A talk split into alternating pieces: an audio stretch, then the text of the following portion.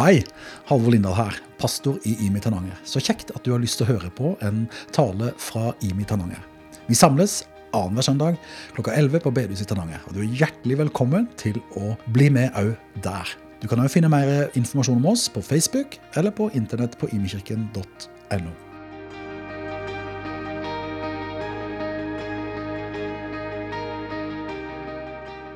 God dag. Jeg heter Tore. Jeg skal tale i dag. Bokstavelig talt, siden tidenes morgen så har det gjalla et ekko. Eller mer presist, det har hunget et refreng, uttalt om igjen og om igjen over jorda. Et refreng uttalt av løgnens far. Har Gud virkelig sagt? Og Dette refrenget er den eldste måten å trekke i tvil hva Gud har sagt i sitt ord. Det er å trekke i tvil hva han har sagt, og hva han ikke har sagt. Og Løgnens far han trekker i tvil både innhold, intensjon, virkning eller konsekvens av Guds løfter eller konsekvens av brudd på hans bud. Og I dag så tror jeg at dette er en av djevelen, eller løgnens far, som han kalles i Johannes 8, sine yndlingsmetoder for å skape tvil. Rett og slett trekke i tvil hva Gud har sagt, hva Gud har sagt i sitt ord, eller trekke i tvil Guds intensjon. Trekke i tvil eh, konsekvensene Gud har stilt over oss hvis vi ikke følger Hans ord. Selvfølgelig kan alle disse tre kombineres ved at både ordene, intensjonen og konsekvensene trekkes i tvil på en gang. Og Av og til så tenker jeg at det å trekke Guds intensjon i tvil ser ut til å være en veldig effektiv strategi. Altså trekke i tvil om de grenser som vi leser om i Guds ord, om de er sett her for å bevare mennesket, for å beskytte mennesket, eller om de er sett her for å være en begrensning for mennesket. Det starta i Edens hage da han sa at mennesket slett ikke ville dø hvis en åt av livets frukt, men ville bli som Gud, og sådde inn tvilen om det er begrensning eller bevaring som er Guds vilje. Jeg tror det er bevaring og ikke begrensning, men dette vil jo da løgnens far se annerledes. Og Om det ikke skulle være ille nok å være en farbar, så vil det òg være en farbar strategi fra løgnens far Og òg kunne love mer enn det Guds ord sier oss. Love mer enn det Gud lover oss i sitt ord. Så kan en spørre seg kanskje hva i all verden skulle det ha for seg? Om løgnens far skulle love mer godhet enn det Gud sjøl gjør, er det i det hele tatt mulig? Og Når jeg sier 'love mer', så mener jeg kanskje at han lover mer enn det Gud sier, og da kanskje særlig med tidspunkt. Ikke at, at løgnens far kanskje lover mer enn Gud, for Gud lover oss alt. Men Gud lover oss ikke kanskje at alt skal komme her på denne jord. Og Da kan faktisk det å love mer eller love noe før det en har bibelsk belegg for, det kan være noe som løgnens far gjør. For hvis løgnens far klarer å så inn et sånn lite løfte om et eller annet som ligner på Guds løfter, men som ikke er Guds løfter, så vil det ha en ekstremt god effekt, tenker jeg. En negativ effekt på oss en negativ måte å få folk såra, sinte eller skuffa på Gud uten at det faktisk egentlig er Guds skyld. Altså at han, altså løgnens far, eller djevelen om man vil, lover ting i Guds navn som Gud faktisk ikke sjøl lover. Ting som med våre øyne, der vi står nå, kan se veldig bra ut, kan se forlokkende ut, kan være noe vi tenker ja, dette trenger vi, dette vil vi ha. Men som enten for oss eller for andre individer rundt oss medfører et eller annet negativt på sikt som vi gjerne ikke ser. Som vi ikke ser konsekvensen av, og som vi tenker etterpå det hadde ikke vært godt for oss uansett. Uansett hvor disse løftene kommer ifra, så kan løfter som en tror er Guds løfter, som ikke blir oppfylt fordi de faktisk ikke er Guds løfter, de kan da som sagt skape frustrasjon. Se oss. De kan skape sinne, og ikke minst de kan skape skuffelse. Og de kan drive seg vekk fra Gud. Og de kan føre til at vi ikke lenger stoler på Gud fordi vi har en opplevelse av at Gud ikke holder ord. Løgnens far, eller djevelen, han kan da altså gi egne løfter i Guds navn. Løfter som ikke er av Gud, og som derfor ikke kommer til å bli oppfylt fordi de ikke er fulgt av Guds kraft. Men de vil tjene hans, altså djevelens hensikt, like bra, for de vender seg vekk ifra Gud. Dagens tema er som nevnt i Jesus har alle løfter sitt ja amen. Kanskje skulle vi omformulert i retning av i Jesus har alle Guds løfter, og bare Guds løfter, sitt ja og amen. Og Da blir det etter mitt skjønn viktig for oss å vite hva Gud faktisk lover i sitt ord. Og reflektere litt av og til ikke Kanskje vi kan ikke love, men iallfall reflektere litt over hva tid vi lovte at ting skal komme. Når gjelder Guds løfter? Skal vi ha dem med en gang, eller er det òg noen løfter som peker framover? Og Det gjelder når vi skal reflektere over hva som vi tror er Guds løfter til oss. Til våre nærmeste, til vår familie, til de vi omgås til daglig. Men det er òg noe vi kan reflektere over i møte med andre mennesker. Kristne eller ikke kristne, når vi formidler hva vi tror Gud har lova de. Og Jeg tror vi som kristne har et særlig ansvar her, og ikke selv, altså selv med de beste hensikter, at ikke vi lover mer enn det Gud gjør. Eller at vi heller ikke lover noe skal komme før det vi faktisk vet Gud lover det skal komme. Vi skal se litt på hva vi finner ut om hva Bibelen sier Gud lover, men først la oss be sammen. Kjære Jesus, takk at du er her med Din Hellige Ånd. Takk at det står i Bibelen der to eller tre er samla i ditt navn, der du er midt iblant oss. Jeg ber om du må åpne hjertene våre, åpne mitt hjerte, så jeg kan tale av ditt ord. Jeg ber også om at du må åpne hjertet til de som hører på, at de må ta imot det som er fra deg, og at det som kommer fra meg, må bare forsvinne. Ber om at du følger oss med Din Hellige Ånd her i dag. Ber om at det som vi skal dele, må være deg til ære og oss til gang. I Jesu navn. Amen.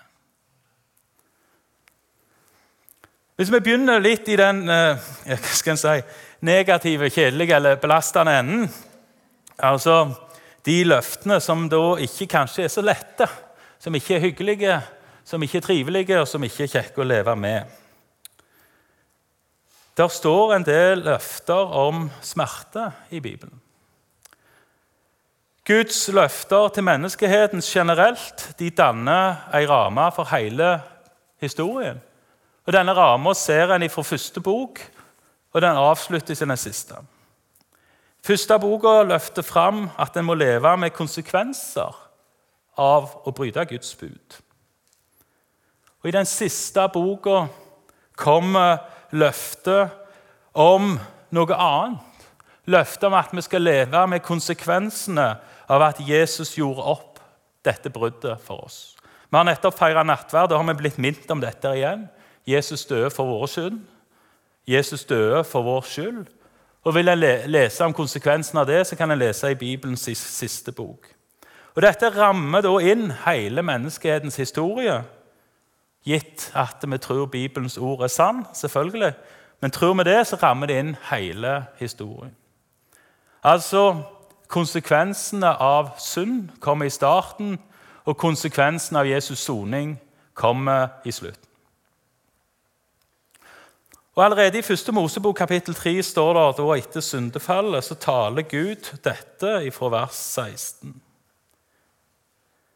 Til kvinnen sa han, 'Stor vil jeg gjøre din møye så ofte du er med barn. Med smerte skal du føde.' Din lyst skal stå til din mann, og han skal råde over deg. Og til Adam sa han, fordi du hørte på din hustru og åt av treet som jeg forbød deg å ete av, skal jorden for din skyld være forbannet. Men nøye skal du nære deg av, dine, av den alle dine levedager. Torn og tistel skal den bære, og du skal ete av markens vekster. Med svette i ansiktet skal du ete ditt brød inntil du vender tilbake til jorden, for av den er du tatt, av jord er du, og til jord skal du bli. Så hvorfor i all verden trekker jeg inn dette her? Jo, jeg tror det kan ha noe for seg. Særlig for de eh, av oss som kjenner seg igjen i noe av det som står her. Som kjenner seg igjen i at livet kan være noe strev. Som kan kjenne seg igjen i at det kan være vondt. Som kanskje har mista noen, som kanskje har født noen med smerte. Som kanskje har opplevd at livet er noe hark, og, og, og livet er vanskelig. Og som kanskje da har tenkt eller hørt eller et eller annet sånt, at Gud lover jo bare medgang òg i dette livet. Da er det ekstra vanskelig, tror jeg. For da kan du lure på om Gud har glemt sitt løfte. Sliter en med depresjon eller andre sinnslidelser, så kan dette være enda sterkere. En kan lure på har Gud glemt meg. Og til deg vil jeg si nei, Gud har ikke glemt deg. Gud har ikke glemt sitt løfte. Han har ikke glemt et løfte om frelse, men løftet om frelse ligger i framtida. Løftet om paradis ligger i framtida. Hvis du får det på jord, takk Gud for det, men løftet ligger altså for oss alle i framtida. Og Da mener jeg at denne vanskelige teksten faktisk kan være til trøst.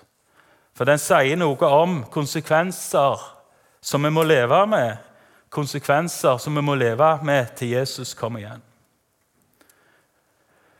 Løftene om himmelen har jeg nylig lest her i, i Mitananger, så det skal jeg ikke lese igjen. Jeg henviser bare til Johannes' åpenbaring, kapittel 21.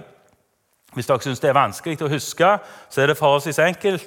De første tre eh, kapitlene handler om hvor galt det går, og de siste to-tre kapitlene i Bibelen handler om hvor godt det skal bli. Mer enn det trenger en faktisk ikke av bibelsoga. Da har en dekket det i begge ender. Sånn at eh, Hvis resten i midten er vanskelig, så har dere en en potensiell tolkning, det.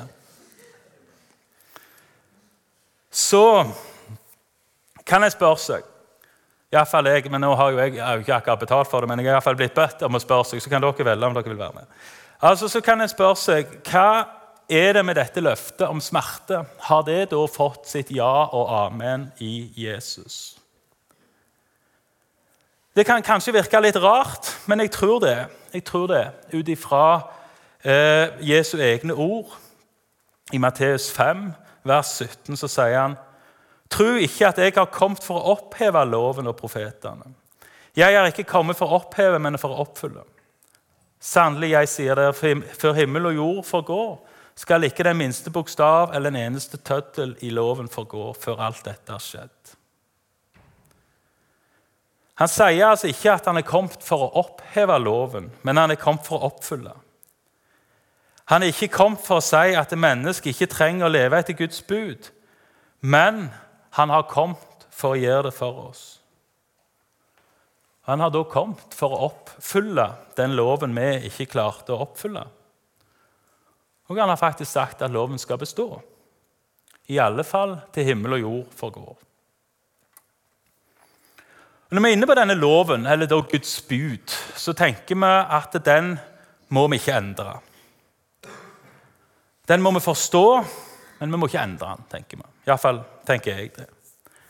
Jeg tenker Det er et vanskelig tema, for spørsmålet er hvor mye skal vi forstå, hvor mye skal vi forstå sjøl, hvor mye skal vi eh, tolke sjøl, og hvor mye skal vi ta person, nei, ikke personlig, men hvor mye skal vi ta bokstavelig. Og Her liker jo jeg et bibelvers fra kong Salomo, som han sannsynligvis sa i en helt annen sammenheng, men det får så være. Det kan være som en metafor for dette. her. For Kong Salomo sa i Salomos ordspråk 23.10.: Flytt ikke de gamle grensesteinene.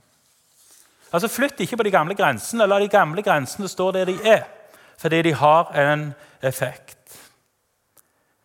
Og de har en mening. Og Fra et eh, ja, si, konservativt perspektiv, som iallfall jeg muligens blir eh, mistenkt for å ha, det er sannsynligvis også riktig, så, så kan en tenke seg at eh, vi må iallfall ikke flytte disse grensesteinene utover. Altså, Vi må ikke tillate mer enn det som Gud tillater, hva nå det da skulle måtte være. Jeg mener at dette her òg må forstås andre veien. Vi må heller ikke flytte grensesteinene innover. Vi må ikke, for å bli i metaforen, vi må ikke begrense menneskelig atferd utover det som Bibelen gir oss belegg for. La oss ikke kalle for synd det Bibelen ikke kaller for synd. Hvis en velger å begrense en eller annen atferd fordi en tror det er lurt for seg sjøl, ja, så la oss gjøre det, men la oss ikke skylde på Gud. La oss ikke lage menneskebud.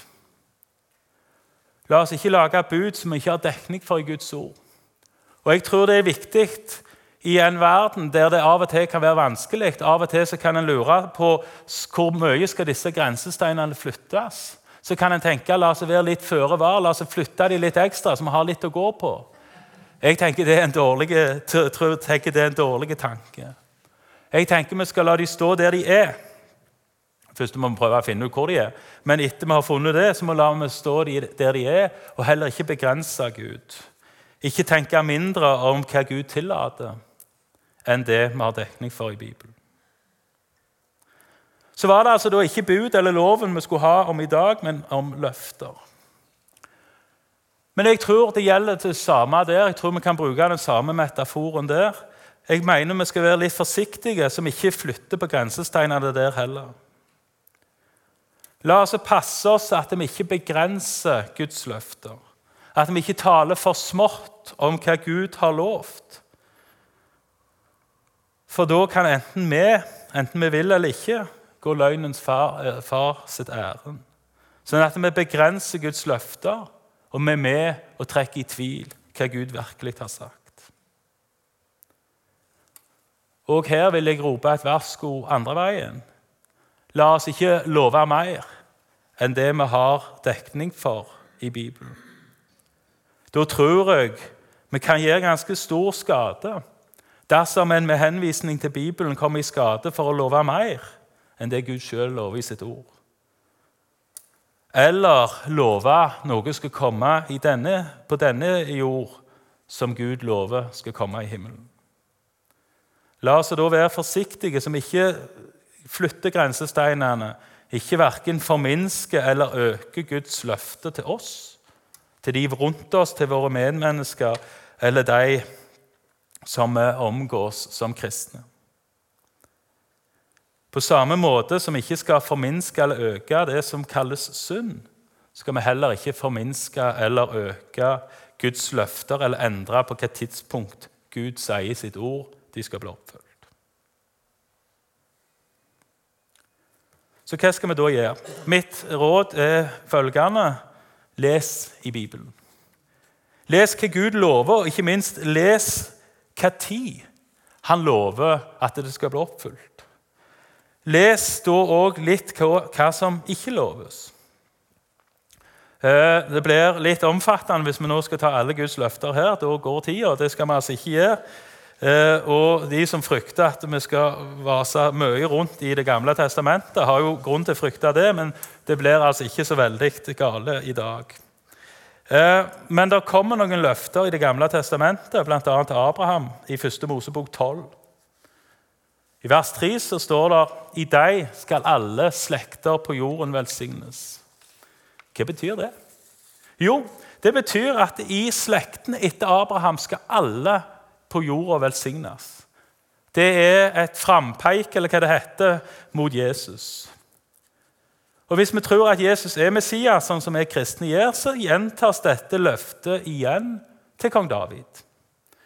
Da med en annen vinkling, og da er vi i 2. Samuels bok, kapittel 7, vers 15. Men min miskunn vil jeg ikke ta fra ham, slik jeg tok den fra Saul, da jeg lot ham vike for deg.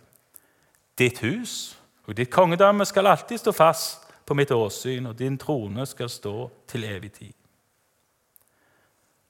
Begge disse løfter, hvis vi da skal tro Bibelen, har fått sitt ja og sitt amen i Jesus. De har altså fått sin bekreftelse i Jesu liv, i hans offersoning, hans død og hans oppstandelse. Og Nettopp derfor er det viktig for evangelisten Matteus å vise at Jesus er arving etter disse to, både Abraham og David. Og Sånn kunne vi fortsette ganske mye ut gjennom Det gamle testamentet, og særlig gjennom profetene. Men i dag har jeg særlig tenkt å trekke fram noe av Guds løfter, sånn som vi har de direkte fra Jesu munn, altså fra Guds munn sjøl. For som vi skal høre, så gir de òg et spenn. Et spenn mellom alvorlige konsekvenser òg for de som følger Guds ord, men òg løfte om velsignelse, om håp, om tilgivelse og himmel. Og i Jesu løfter har vi dette spennet som jeg mener gjelder for hele, for hele Bibelen. Og Jesus han lover faktisk en hel del. I Matteus 25, vers 31 så står det men når menneskesønnen kommer i sin herlighet, og alle englene med han, da skal han sitte på sin trone i herlighet. Og alle folkeslag skal samles foran ham. Han skal skille dem fra hverandre, slik en gjeter skiller sauene fra geitene, og stille sauene til høyre for seg og geitene til venstre. Så skal kongen si til dem på sin høyre side.: Kom hit, dere som er velsignet av min far og ta riket i eie, som er gjort i stand for dere fra himmelens grunnlag ble lagt. grunnvoll ble lagt. Dette løftet trekker Jesus sjøl fram mot slutten av sitt liv. Han sier hva som er i vente når han kommer i herlighet. Leser vi Johannes 14, vers 11, så står det Tro meg når jeg sier at jeg, fader, når jeg er i Faderen og Faderen i meg. Hva er vi har som som tema på IMI i høst i Jesus.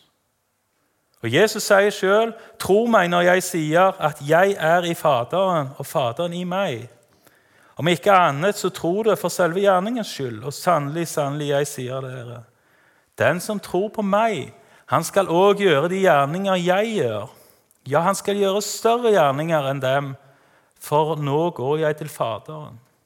Det dere ber om i mitt navn, vil jeg gjøre, så Faderen skal bli forherliget gjennom Sønnen. Dersom dere ber meg om noe i mitt navn, vil jeg gjøre det.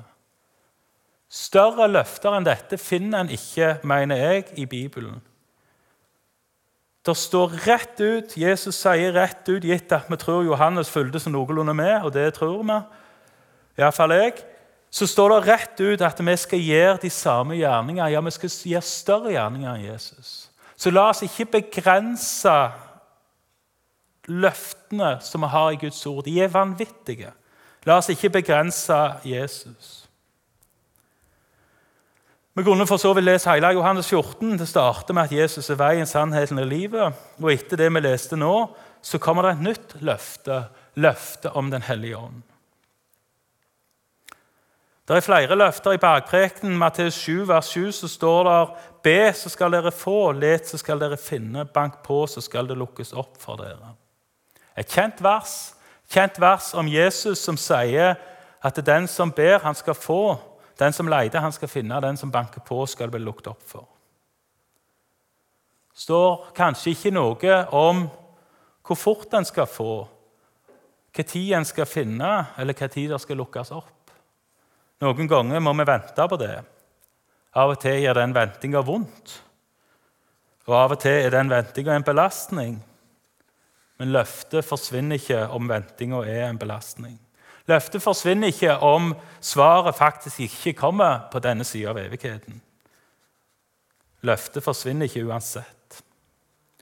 Og Det er et kjent vers, og et kanskje ikke fullt så kjent vers, men litt morsomt, er historien som Jesus forteller om om ei enke som da rett og slett litt folkelig maser hull i hodet på en uhederlig dommer, uhederlige dommer, så til slutt så gir han seg. Det står i Lukas 18. Eh, vi skal lese den rett og slett, for det er noe å lære her.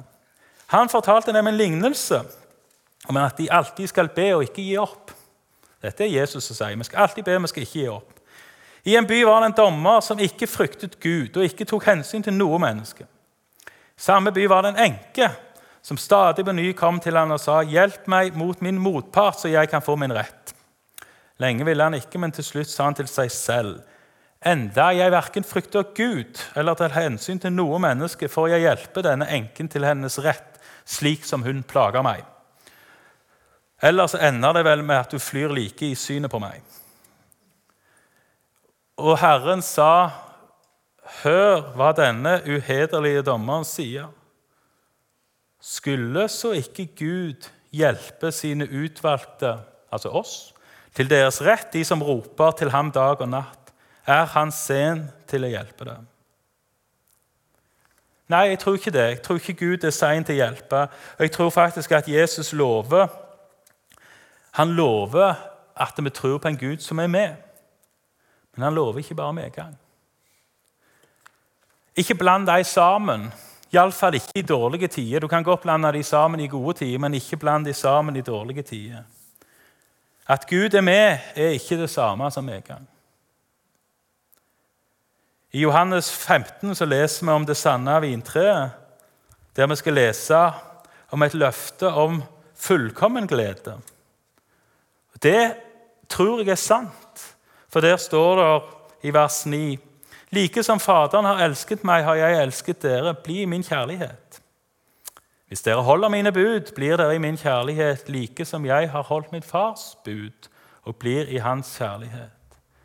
Dette har jeg sagt dere for at dere kan eie min glede, og deres glede kan være fullkommen. Så Jesus sier dette i vers 9. Så fortsatte han i vers 18 med noe som gjerne ikke høres helt ut til å gå i hop.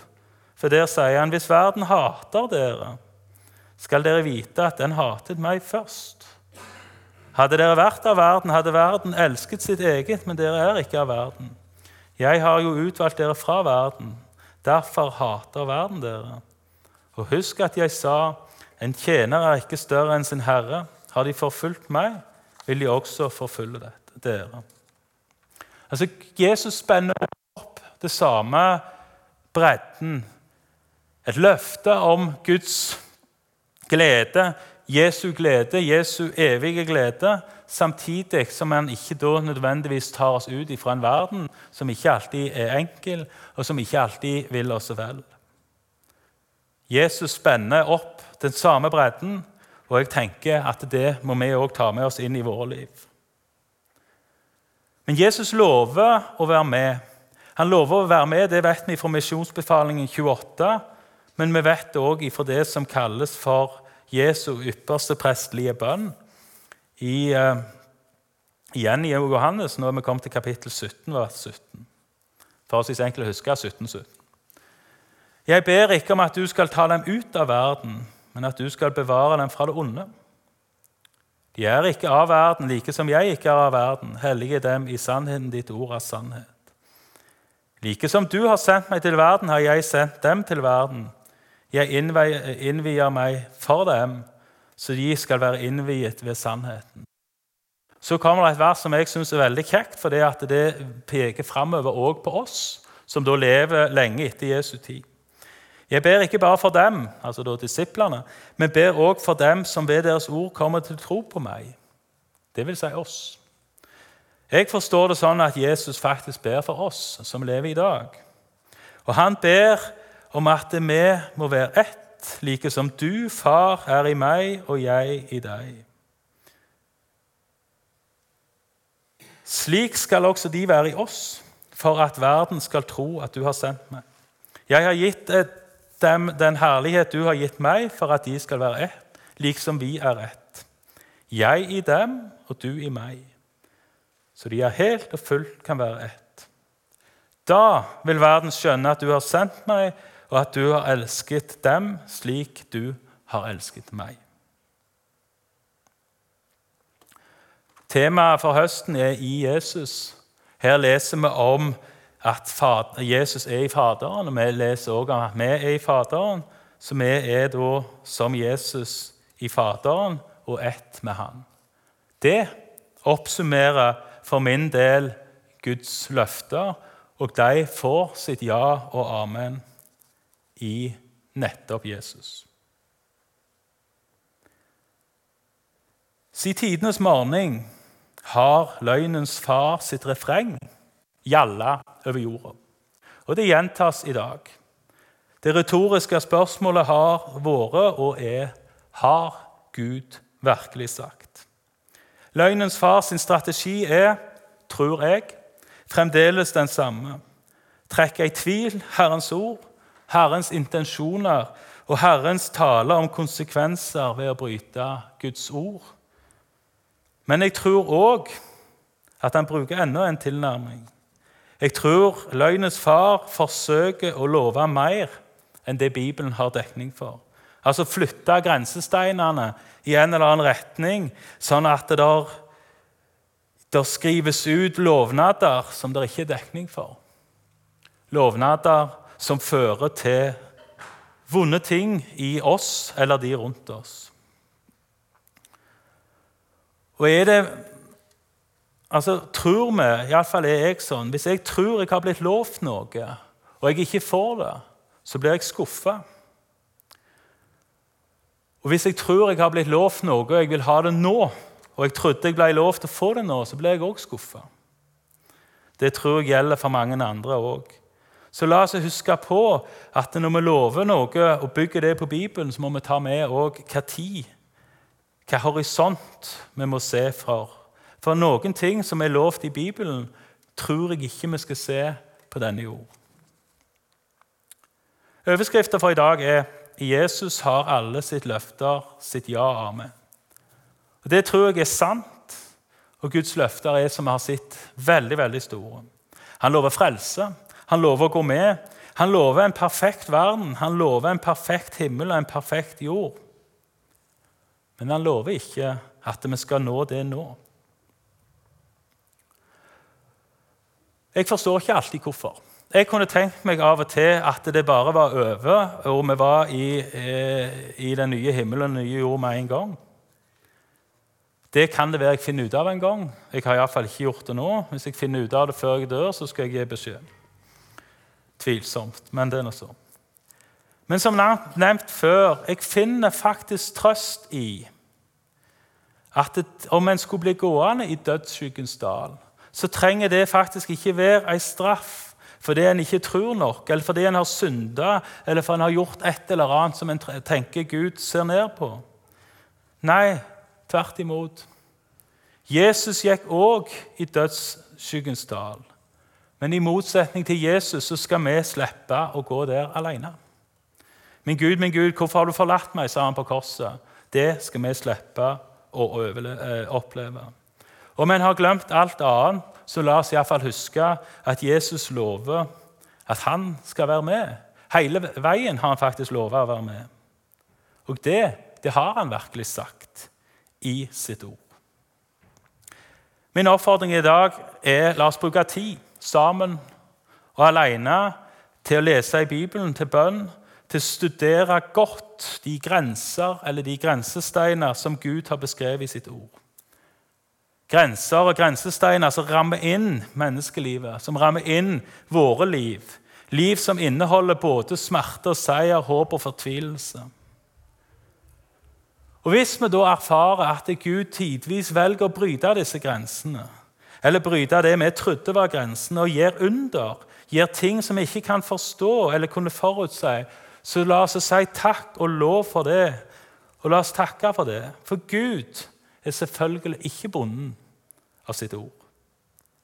Men jeg tror at vi er det. La oss takke for alle de løftene som har fått sitt ja, men i Kristus og i Jesus, og la oss studere hva de lover, og tid det skal komme. Amen.